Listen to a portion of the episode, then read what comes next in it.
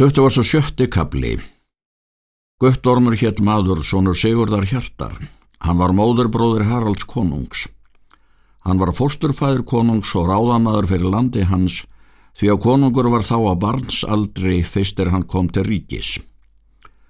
Guttormur var hertogi fyrir liði Haralds konungs þá er hann vann land undir sig og var hann í öllum orustum þeim er konungur átti þá er hann gekk til lands í Nóriði.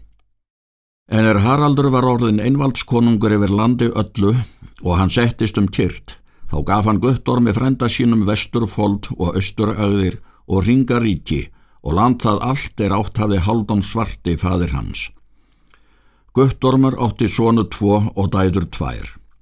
Senir hans héttu Sigurður og Ragnar en dæður hans Ragnhildur og Áslaug. Guttormur tók sótt en er að honum leið þá sendi hann menn á fund Haralds konungs og bað hann sjá fyrir börnum sínum og fyrir ríki sínu. Littlu síðar andaðist hann. En er konungur spurði andlát hans þá let hann kalla til sín hallvarð harðfara og þá bræður, sagði að þeir skildu fara sendið fyrir hans austur í vík. Konungur var þá stattur í þrámteimi.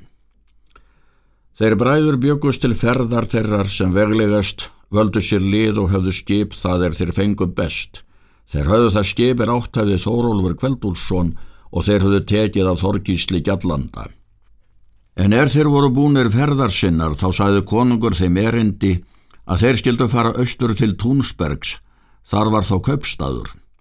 Þar hafði Guttormur haft aðsettur.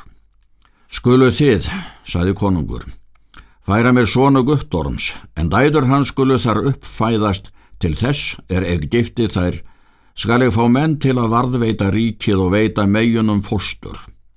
En er þeir bræður voru búnir þá fara þeir leið sína og berjaði þeim vel. Komu þeir um vorið víkaustur til Túnsbergs og báruð þar fram erendis sín.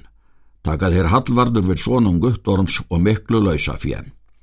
Fara þeir þá er þeir voru búnir aftur á leið, berjaði þeim þá nokkrum mun setna og varð ekki til tíðinda í þeirri ferð fyrir en þeir sigla norðunum Soksæ, byr góðan og bjart veður og voru þá allkáttir.